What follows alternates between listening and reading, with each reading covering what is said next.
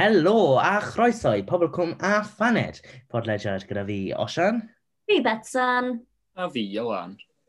Heddiw ni'n trafod Pobl Cwm, po, Pob Cwm, Pobl o Cwm.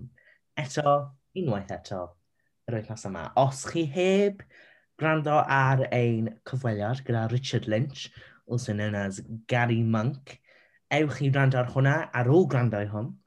Um, nath ni postio fe dydd mercher. So, ewch nôl, randewch ar hwnna, a joiwch, a gallwch chi uh, clywed bach o gos.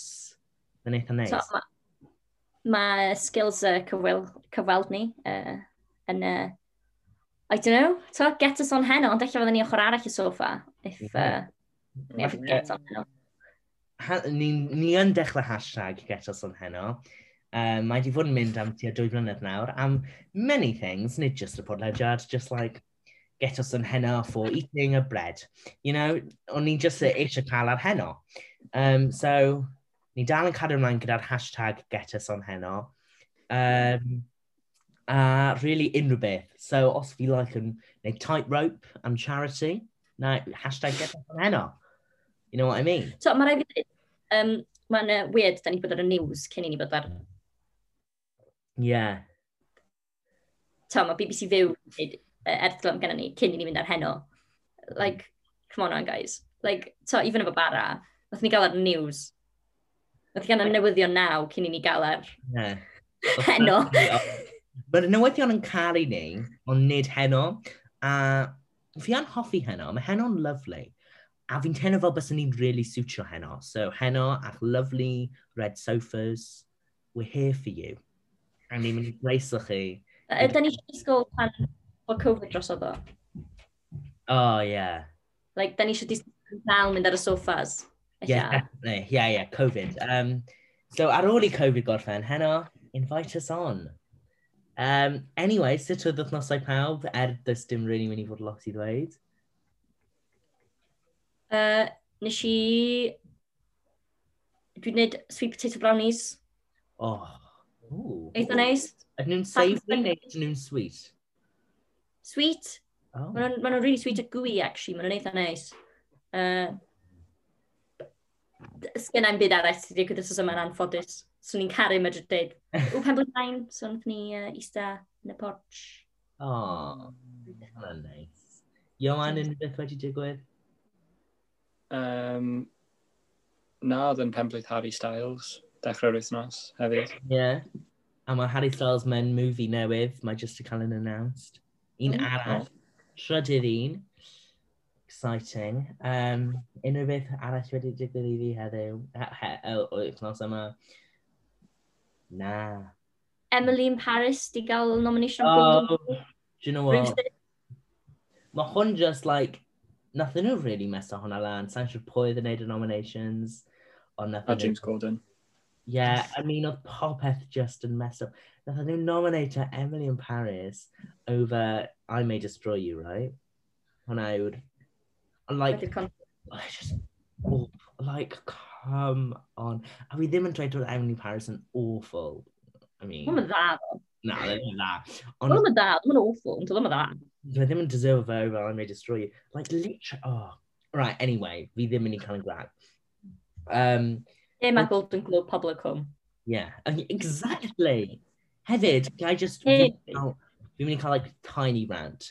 Soap Awards, pam ydi pobl y cwm byth yna? A, like, round around. Pam ydyn nhw byth yn y Soap Awards? Mm. Achos mae pobl yn just yn English Soap Awards. Mae'n really annoyo fi. Hashtag get pobl y cwm a round around on the Soap Awards. Neu gael Soap Awards Cymraeg a just wneud soap newydd fel Doctors. Oh, uh, hapus i hynna dod o dinas nôl. Di, o! Oh. Dod o dinas nôl a neu Soap Awards Cymraeg. Na ni hostio os da chi isio. Oh my god, wow. yeah. Fi'n teimlo fel dylen nhw'n gwneud like, new like, awards show neu rhywbeth ble ni'n hosto. So Dwi'n meddwl bod nhw'n just angen i'r haglen yn ni at this point. So, da ni mor interesting fel da ni newid siarad yn ni. Fi'n teimlo fel trio ni fydd y new Tristan a what's her name? Yeah. Yeah, ma. Um, yeah, sure. Fod like, ni'n mynd i cael like, yr whole spin-offs, ni'n mynd i wneud, like, chi'n gwybod sut maen nhw'n gwneud priodas 5,000 a wen prosiect 5,000, ni'n mynd i fod, like, babi 5,000 a, like... Dwi'n meddwl dod ni fel interviews efo just, like, hero am dro. Da ni just ffolio, da ni'n hwtio rhaglen, ie, ti just ffolio bywyd hir o am dro. Ie. Like... Ie, ie, ie. Dyna fo. Ta, e, a wrth da ni'n neud i darllen tweets ydw fo. Yeah. Ac dwi'n gwybod bod mm. yn gallu darllen y tweets i hun, ond dwi'n just yn meddwl, sef o'n well, sac ti'n just dilyn fo gwmpas fy camera, a wedyn ti'n just gael y tweets dros yeah. fo. Mm -hmm. Yn esbonio pwy mynd. So, to, I don't know. Mae yna rhywbeth yna i ni'n rwla, please. Mae'n ffynnu. Anyway, pobl y Covid nos yma, mae wedi bod yn hint, he, hint a helent? Ydyn hwnna'n... Na. Ie, Yeah, yndi. Hint a helent yn thing, yndi. Yeah um, o'r cos yma. Mae wedi bod yn gre... O, fi'n hoffi e. Um, so, o'n i'n meddwl, achos fi wedi gwneud fy ymchwil am um, yr hol sefyllfa gyda um, beth enw hi enw? Non. Bethan slash non. Bethan slash non. A mae hi, like, mae'r whole thing. So fi jyst mynd i roi backstory, achos ydych chi'n gwybod unrhyw beth am hwn? Dim yn llawn. Okay. Ah. So, ymddeheiriadau os fi'n anghywir i unrhyw un sy'n gwrando, ond dyma be fi wedi ffeindio allan, a falle mae'n anghywir, ond fi'n meddwl bod hi'n gywir. So, chi'n cofio Duff o um, y penod ble o'n i'n siarad am Cath a Mark? Mm -hmm. Duff oedd arfer, oedd yn priodi Cath a tad Mark. Um, so nath Duff cael perthynas gyda'r fenyw arall, sa'n cofio enw hi, a nath nhw cael plentyn o'r enw Non. Nath no, oedd Non yn ffrindiau da gyda Bethan. Nath Non cael mewn car crash. So oedd Bethan a Non yn ffrindiau gorau. Wedyn nath Non cael mewn car crash. Awful. Um, a marw. A nath y fam hefyd cael mewn car crash ond, survive, ond oedd hi heb marw. So wedyn, pryd nath y fam farw yn 2015, nath Bethan cymryd enw non a legally newid enw hi i non a um, dweud taw hi yw non a nath hi fynd i'r cwm a dweud taw, o oh, ie, yeah, a mynd i um, uh, Mark a dweud, o fi yw hanner chwaer ti, achos non oedd hanner, y real non nath marw, hi oedd hanner chwaer um, Mark. A wedyn, oedd nhw gyd yn tricked mewn i hwn, a wedyn, chi'n cofio sut mae Bethan slash non yn dweud, neu mae Cath yn dweud i Mark, ond nath i safio bywyd ti. Mae hwnna achos nath hi roi aren i Mark. Uh. So, nath hwnna digwydd.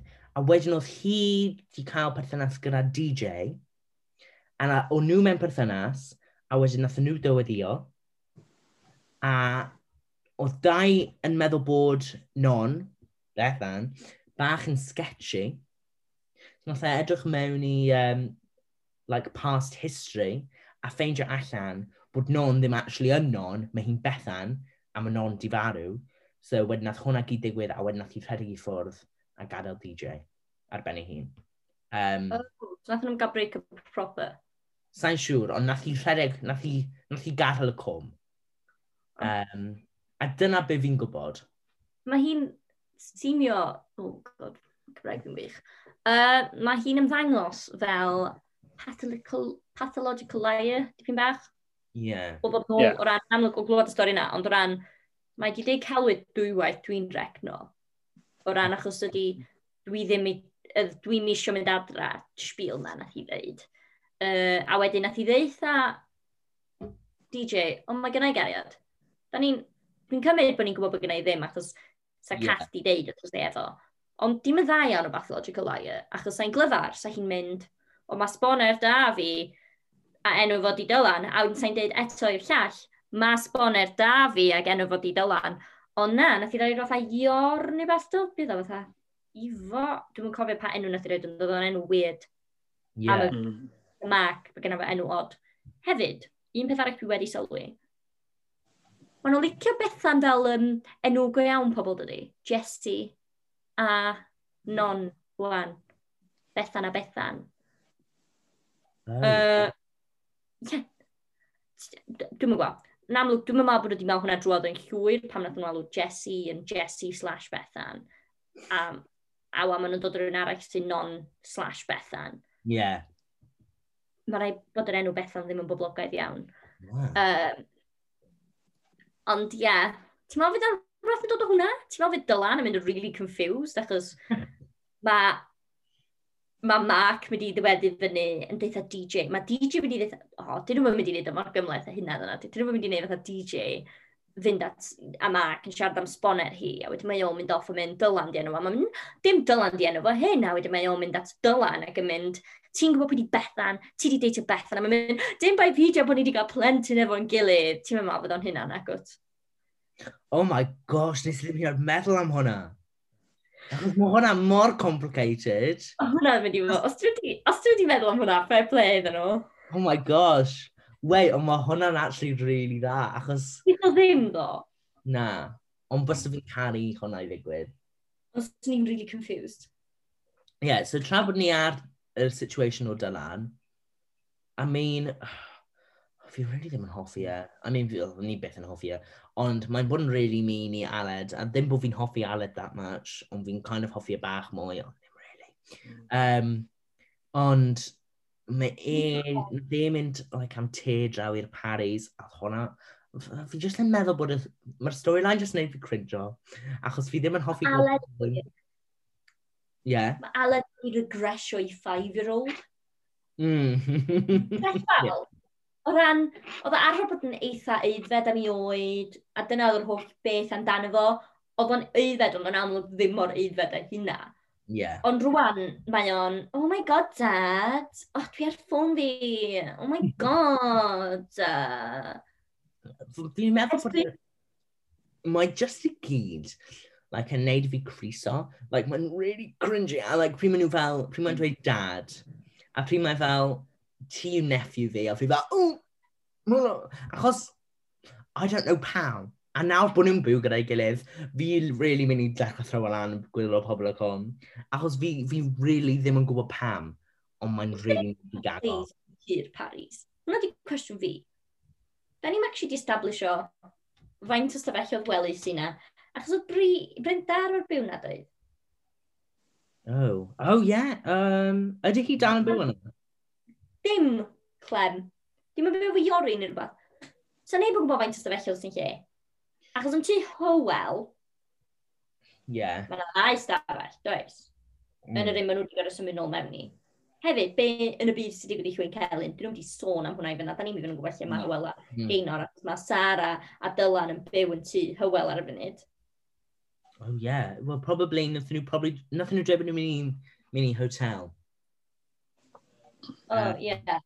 Wedyn mae Luned a Rhys yn o idea lle maen nhw, mae'r Rhys yn ôl, ond dydy o byth yn tŷ, a dydy o ddim rhywsyd, dydy o heb weld bo Aled a Sar, Aled a Thingy'n mm. Pethu.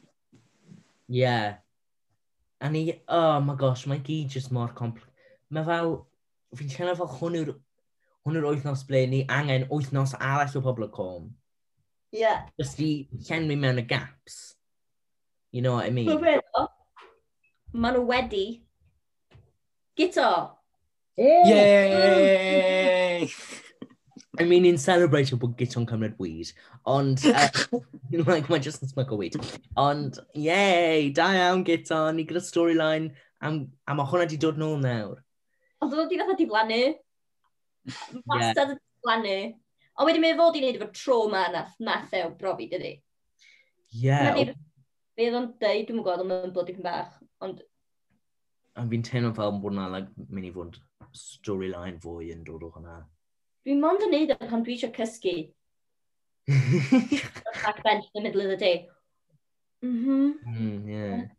I mean, mae'n neud e achos mae'r whole thing gyda Aled yn gormod o stress, probably. Ond, like... Oedd o'n deud bod achos yr acid, oedd? Yeah, ond pam... Achos nath e cymryd e just ar ôl iddo fe ffeindio yeah, allan. Yeah. So, probably, maen nhw'n probably mynd i spinio fe fel hwnna. Ond os mae am hwnna, like, get or get over yourself. Ugh. Ond, um, os ddim, os mae am yr whole Matthew thing, I mean, o'n nhw ddim hyn yn edrych am Gito, nhw trio cael am Dylan. O'n nhw ddim yn edrych am Matthew iddo, o'n nhw eisiau rhoi asid ar Dylan. Doedd, Ie na, ysgrech, mae dy sôn am ysgrech na do. Ie, yeah, ysgrech. I mean, fi'n siŵr oedd e'n really traumatic experience. So dyna pam nath e troi at cyffuriau. Ie, yeah, ond on dwi'n gwybod beth maen nhw'n gwneud efo fo. Ha? Dwi'n gwybod beth maen nhw wedi gwneud efo'r stori. Na, achos pwy nath uh, pwy weld bod un dod allan o tŷ ffion? Nath rhywun... O, oh, Feli. Ie, yeah, mae rhywun wastad rhywun cornel rhywle. Um, o, oh, ti'n meddwl mob dim diwrnod o fatha, mae ffion yn gwneud mantais o Definitely. I mean, maen nhw'n gwneud y storyline gyda Fion wrth blaen, ydyn nhw? Ydyn nhw? I swear bod nhw... I swear oedd na rhyw storyline gyda Chester a mm. Fion. Ond falle oedd e ddim yn Fion, ond Chester definitely gyda huge storyline. Ble oedd e like Aled a what's his name? Ond oedd e'n... Oedd Hywel efo perthynas o rwy'n o'r chweched. Really? Oh my gosh. Maen nhw'n... Cymhoredd lleol. Maen nhw gyd yn pedos sôn am hynna, be am sôn am dan Tesni a Lisa? Oh, Nes di alw fo betan? Nes di ddweud mae angen um, dwy ferch arno ni yn y com, fel ages yn ôl? Ond dwi'n maen nhw'n dweud na.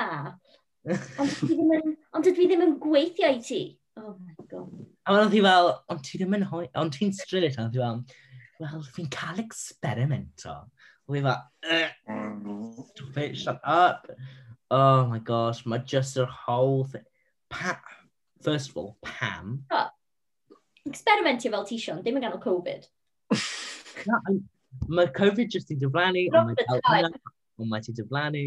Like, mae dim ond o'n ôl. Mae nhw'n building dream world, let's be honest here. Um, y thing na Mark fatha yn tu Colin, a wedyn peth nesaf da ni'n gwybod, mae uh, Mark and T. Colin. Next thing we know, whoa, whoa, whoa, whoa, Covid. COVID. Literally, mae Mark wedi bod yn tŷ pawb. Ond mae pobl jyst yn cerdded mewn. So nath Bethan slash non cerdded mewn ar y proposal. Sydd, yeah. oh, huge. A fi ddim eisiau hi fetha y perfect couple. Um, oh, na. Mae'n good Fi'n gobeithio bod nhw, bod nhw falle fel like, ti'n gwybod sut, like, Di a Diane, you know? Oh, yeah. Like... Calling it now, though. Calling it now, mae DJ mynd i farw cyn i briodas. Uh, ah. Dwi'n brain bleed, stupid. Dim brain bleed, dim bod brain bleed yn stupid, ond fydd o'n rhyw stori fel na, lle mae pawb like, oh my god, so mae o'n mynd i galapsio, mae o'n mynd i farw, a maen nhw'n dweud, it was internal bleeding, we can do anything about it. Dyna pam, dyna pam maen nhw eisiau gwneud e'n gyflym, y, brio, y briodas yn gyflym. Achos maen nhw eisiau Achos chi ddim gallu cael brain bleed am like six months, ydych chi? Na. Uh, so maen nhw eisiau gwneud yn gyflym, so bod mae'n mynd i cael ei lladd off. I mean, ni really... Okay. Just, di, ond dim lot digwydd, so fi'n teimlo fod yn mynd i fashion faux pas Johan. O, oh, um, yeah. Unrhyw, um, unrhyw ffasiwn? Na, dim wythnos yma, mae wedi bod bach yn... Um Oh. Wel, na'n ffwrdd pas, ond mae rhaid fi dweud, nes i joio outfit Kelly. Ie. Yeah. Ti'n gwybod beth, fi'n mynd i dweud Kelly heddiw? Hefyd, hefyd. In like, three peas mm. bod. Oedd hi'n edrych yn dda, ond mi oedd hi kind of yn edrych fel athrawes o sgol gynradd. Ie. Um, Tesni oedd un o'r faux pas neithiwr. Um, oedd turtleneck yn neud iddi edrych, achos bod ganddi gwall di hefyd. Oh. So oedd yn edrych fel o just pen. Oh. pen arall be o'n i wedi gwneud, y er, dau ffrog briodas, cream and white. O, oh, na, oedd hwnna'n mm, mm, mm. awful. Oedd y ffrog briodas, like, oedd yr er, fenyw hynaf yn gwisgo. O fi ddim rydyn ni'n hoffi hwnna. Mm. Reit, um, pan ydych penod yn gyflym, achos beth am y gen ti wers? Woo, Cymraeg! pan y penod betan, beth yw'r pan y penod? Dylda, da, Be, mae o'n set-up os yma. Dwi'n meddwl bod yna lot mynd i ddigwydd os os nesa. Achos os yma, da ni'n cael recovery, da ni'n cael, mae hyn yn digwydd, da ni'n cael yr adeiladu, da ni'n cael blodau yn cael ei roed heb lama yn taflu, which da ni heb siarad am. Uh, mm. um, dwi'n meddwl, os yma, achos eich bod o'n bildio fyny domestic storyline i bynnag, dwi'n meddwl bod o jyst yn teabag, dim dŵr eto, dim llaeth eto. Teabag yeah. o'n cwpan, barod i roed y dŵr yna fo. Eich bod y dŵr yna. Eich bod o'n stiwio. Panad sy'n stiwio. Putting it out there. Johan? Yeah. Dwi'n mynd i gorfod cytuno. Dwi'n mynd i gorfod cytuno gyda Beton. Ie. Yeah. Ti'n gwybod be?